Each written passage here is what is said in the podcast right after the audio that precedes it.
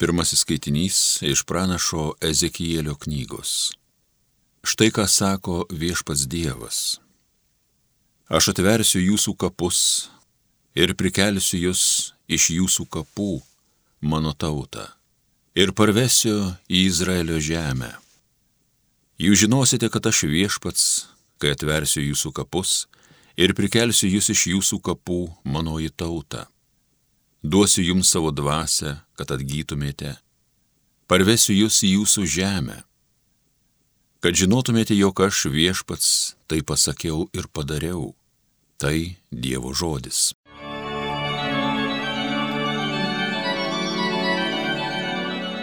Viešpats yra maloningas, didi jo atpirkimo galybė.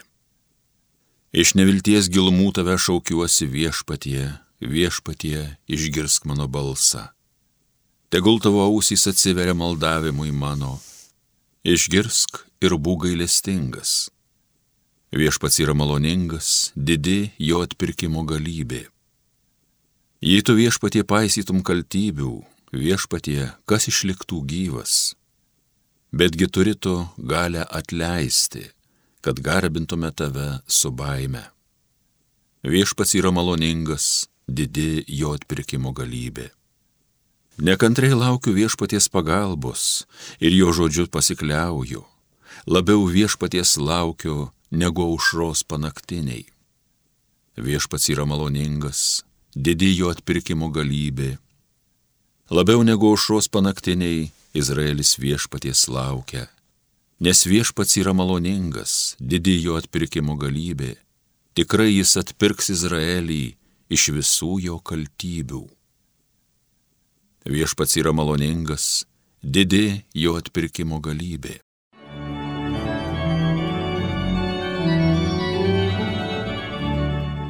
Antrasis skaitinys iš Šventojo apaštalo Pauliaus laiško romiečiams.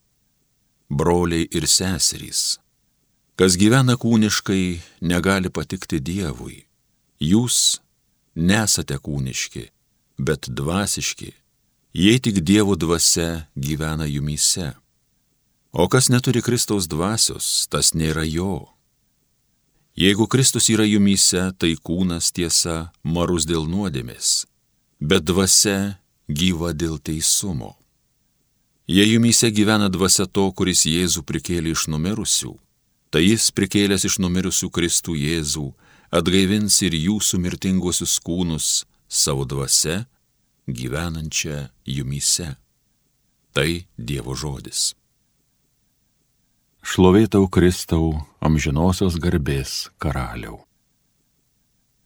Aš esu prisikėlimas ir gyvenimas, sako viešpats, kas tiki mane, neragaus mirties per amžius. Šlovėtau Kristau, amžinosios garbės karaliau. Pasiklausykite šventosios Evangelijos pagal Joną. Losoriaus seserys nusiuntė Jėzui žinę viešpatie, tas, kurį tu myli, serga.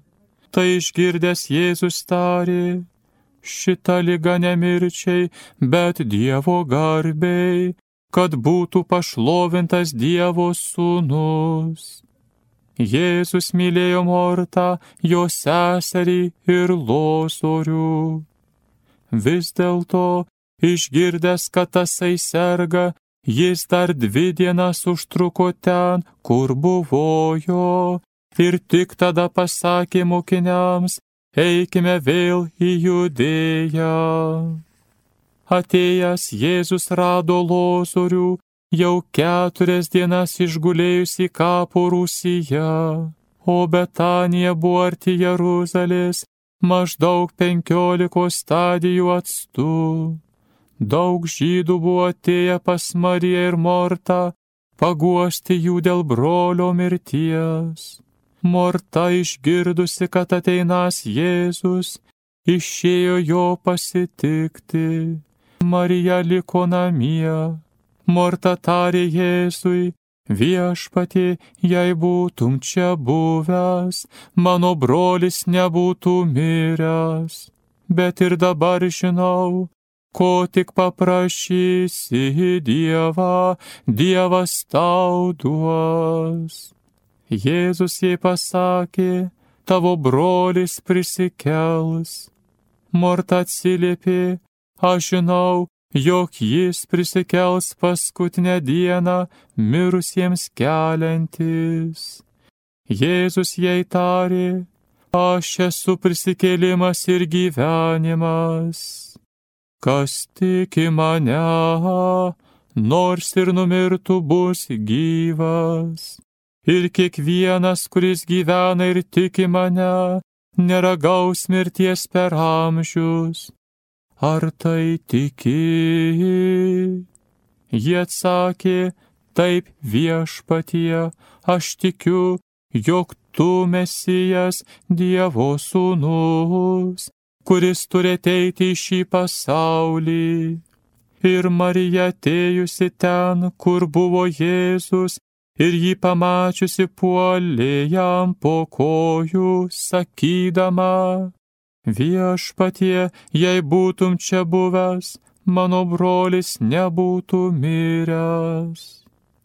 Pamatęs ją verkiančią ir kartu atėjusius žydus verkiančius, Jėzus labai susigaudino ir susijaudinęs paklausė, kur jį palaidojote. Jie atsakė, viešpateik ir pažiūrėk. Jėzus pravirko. Tada žydai ėmė kalbėti, štai kaip jis jį mylėjo. O kiti sakė, Argi tas, kuris atvėrė neregių akis, negalėjo padaryti, kad šitas nemirtų. Ir vėl susigaudinęs Jėzus atėjo pas kapą. Tai buvo užrista akmeniu. Jėzus tarė, nuriskite akmenį. Mirusiuose suomorta įspėjo, viešpatie jau dvokia, jau keturios dienos kaip jis miręs. Jėzus jai tarė, argi nesakiau, jei tikėsi, pamatysi Dievo šlovę. Jie nurito akmenį. Jėzus pakėlė akis aukštyn ir prabilo, Tėve, dėkoju tau, kad mane išklausai. Aš žinau, kad visuomet mane išklausai. Tačiau tai sakau dėl čia esančiųjų, kad jie įtikėtų, jog tu esi mane siuntęs. Tai pasakęs, jis galingų balsų sušuko, losoriau, išeik ir numirėlis išėjo iš kapo. Jo rankos ir kojos dar buvo suvystytos aprišalais, o veidas apviniotas drobulę. Jėzus jiems įsakė, atraišiokite jį ir leiskite jam eiti. Daugelis žydų, kurie buvo atėję pas Mariją ir matė, ką Jėzus padarė, įtikėjo jį.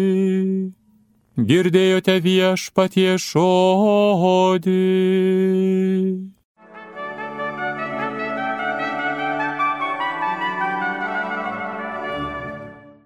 Mėly Marijos radio klausytojai, Šiandien Evangelija pasakoja mums apie tą šeimą, kurioje Jėzus nuolat lankydavosi. Lozorių jis vadina savo bičiuliu, draugu. Jeigu net Jėzui reikėjo draugų, tai skatina mus susimastyti, koks draugas yra svarbus visiems žmonėms. Juk didžiausia dovana žmogui yra geras draugas. Kai pažvelgi į savo gyvenimo gražiausias dienas, kyla klausimas, ar tai nebuvo tos dienos, kuriuose buvau kartu su draugais? Visada, visada geras draugas padeda nugalėti vienatvę, kitus sunkumus. Jam gali patikėti savo kančias ir džiaugsmus, savo baimės ir viltis, savo rūpeščius ir paslaptis. Rūpeščiuose niekas tiek nepadės, kaip geras draugas. Niekas jam nėra toks svarbus kaip tu. Trokštų draugo arčiau, juo tikėti galiu. Jis kaip audra nujaus mano sielos skausmus. Paslapties neišduos savo veidų tamsio ir per amžius paliks, kaip ir aš neramus. Taip sulygina draugą tiesiog su jūra poetas Maironis.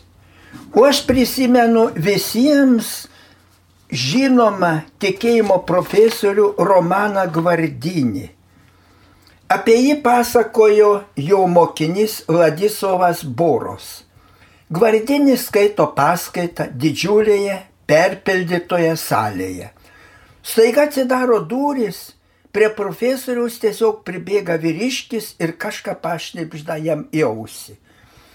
Gvardinis pradeda aiškintis klausytojams. Tik ką gavau žinę, kad mano draugui reikia skubios pagalbos. Atleiskite, kad nutrauksiu paskaitą. Ir jis išėjo. Ir niekas nepasipiktino. Visi su pagarba atsiliepė apie profesorių Ir čia norisi save paklausti, ar aš priklausau prie tokių laimingųjų, kurie turi tokį draugą. Bet mes visi turime dar didesnį draugą - patį Jėzų Kristų. Ir dar, ir dar aš galvoju, kad visų žmonių draugas taip pat buvo Albertas Einšteinas. Tas didysis mokslininkas, Kasgi nėra jo vardo girdėjęs? Jis apdovanotas Nobelio premija už relativumo ir kvantų teorijas. Apie jo gyvenimą ir darbus yra parašyta virš 40 tūkstančių knygų. Bet jis visada pasiliko kukliu ir nuolankiu žmogumi. Kaip tai įmanoma, paaiškina jis pats. Mano idealai visada man švietė ir mane visada pripildė džiaugsmo. Mano idealai tai gerumas, grožis ir tiesa. Be jų, kaip ir be tikėjimo, mano gyvenimas būtų likęs tuščias. Mano tikėjimas, sako jis, tai Dievo garbinimas. Dievas juk atsiskleidžia ir yra matomas net mažiausiuose dalykuose. Ir dar dera paminėti vieną dalyką. Einšteinas žydas, bet vis tik Jėzus jam žadino niekada neišdildomą įspūdį. Niekas nėra taip kalbėjęs man kaip Jėzus. Iš tikro, žemėje yra tik viena vieta, kur nerasi jokios tamsos, jokio šešėlio. Tai Jėzaus Kristaus asmuo. Dievas jame aiškiausiai mums pasirodė. Taigi Jėzaus Kristaus, to didžiojo visų žmonių draugo pavyzdžių ir Einšteinas ryžosi būti visų žmonių draugu. O kurgi jo meilė, jo draugiškumas mums labiausiai pasirodė? Jo relativumo ir kvantų teorijos bei žymioji energijos liktis buvo pritaikytos atomo energijos kūrimui ir net kuriant atominę bombą. Nors Einšteinas ypatingai priešinosi atominių ginklų kūrimui. Jeigu jo valios būtų buvę klausoma, dabar pasaulis neturėtų tos baisiosios atominio karo grėsmės. Jis, kaip ir pats Jėzus Kristus, norėjo išsaugoti žmoniją nuo pražuvimo. Bet grįžkime į šios dienos Evangeliją. Morta ir Marija, Lozoriaus seserys, siuntė Jėzui žinę. Viešpate tavo draugas serga. Stebina, kad Jėzus neskubėjo pagalbon. Kai jis po dviejų dienų pagaliau atėjo, draugas Lozorius jau keturias dienas gulėjo kape ir jau dvokė. Kyla klausimas, kodėl Jėzus neskubėjo. Galime tik spėlioti, kad jis turėjo kokią nors ypatingą priežastį. Galvoju, visiems mums labai svarbu tai išsiaiškinti. Ir galime suprasti, iš savo asmenės patirties tai galime suprasti. Ko gero nėra ne vieno žmogaus, kuris nebūtų pasakęs, kaip dažnai aš meldžiausi ir Jėzus man nepadėjo. Čia galime atsakyti remdamiesi šventuoju raštu. Dievas, Jėzus neatsiliepia į mūsų tiesioginius norus, kai ketina padaryti daug svarbesnius dalykus. Tai tinka ir mums, ir Lozoriui. Jėzaus meilė duoda daug didesnių dalykų negu staigus išgydymas. Lozorius turėjo mirti, kad mes per jo mirtį ir per jo prisikėlimo stebuklą giliai pajustume Jėzų, Dievo sūnų ir suprastume jo žodžius. Aš esu prisikėlimas ir gyvenimas. Kas tiki mane, nors ir numirtų, bus gyvas. Kaip nuostabiai, kaip nuostabiai Jėzus skatina tikėti jį. Tad sesė ir broli, patikėk savo sunkumus, savo išbandymus, savo pilną kančių gyvenimą, savo net mirti jam. Atiduok viską jo dieviškai globai, susijung su juo ir visas tavo gyvenimas ir mirtis te būna visada ryšyje su juo. Tegu švento apaštalo Pauliaus žodžiai tampa tavo žodžiais. Gyvename viešpačiui ir mirštame viešpačiui. Taigi ar gyvename, ar mirštame, esame viešpaties. Ar įmanoma paprasčiau pasakyti, kas apibrėžia mūsų tikėjimo grožį ir didybę? Taip, taip. Mūsų tikėjime, mūsų elgesyje su gyvaisiais ir ypač su mirusiais, ypač išriškėja, išriškėja mūsų didybė. Garsusis abatas Pieras rašo, žmonijos istorijoje yra vienas akimirksnis, kuris mane sukrečia, tiesiog sukrečia. Tai yra tada, kai žmonės pašarvoja savo mirusius prieš juos laidodami. Niekada nepamatysi, kad šuo ar koks kitas gyvūnas, kito šuns mirtingus palaikus taip pagerbtų ir palaidotų. Ne, jok šuo nelaidoja kito šuns. O nuo to akimirksnio, kai mirusiųjų palaikai nebepaliekami gulėti, taip kaip mirštant nukrito, bet rūpestingai pašarvojami ir po to rūpestingai palaidojami, prasideda nauji laikai, žmonijos laikai. Tuos žodžius parašęs Andri Antuanas Guruė buvo pavadintas abatu Piero, kai antrojo pasaulinio karo metu įsijungė į pasipriešinimą naciams ir gelbėjo žydus.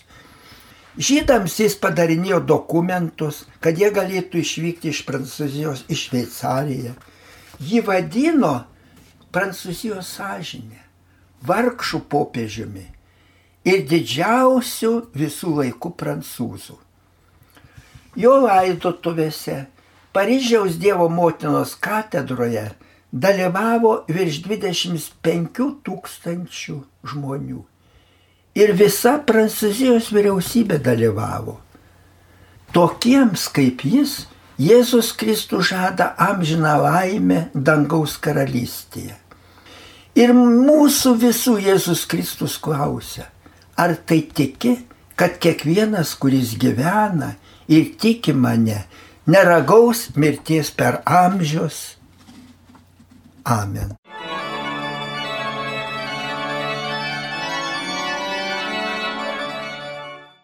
Homilyje sakė panevižio vyskupas emeritas Jonas Kauneckas.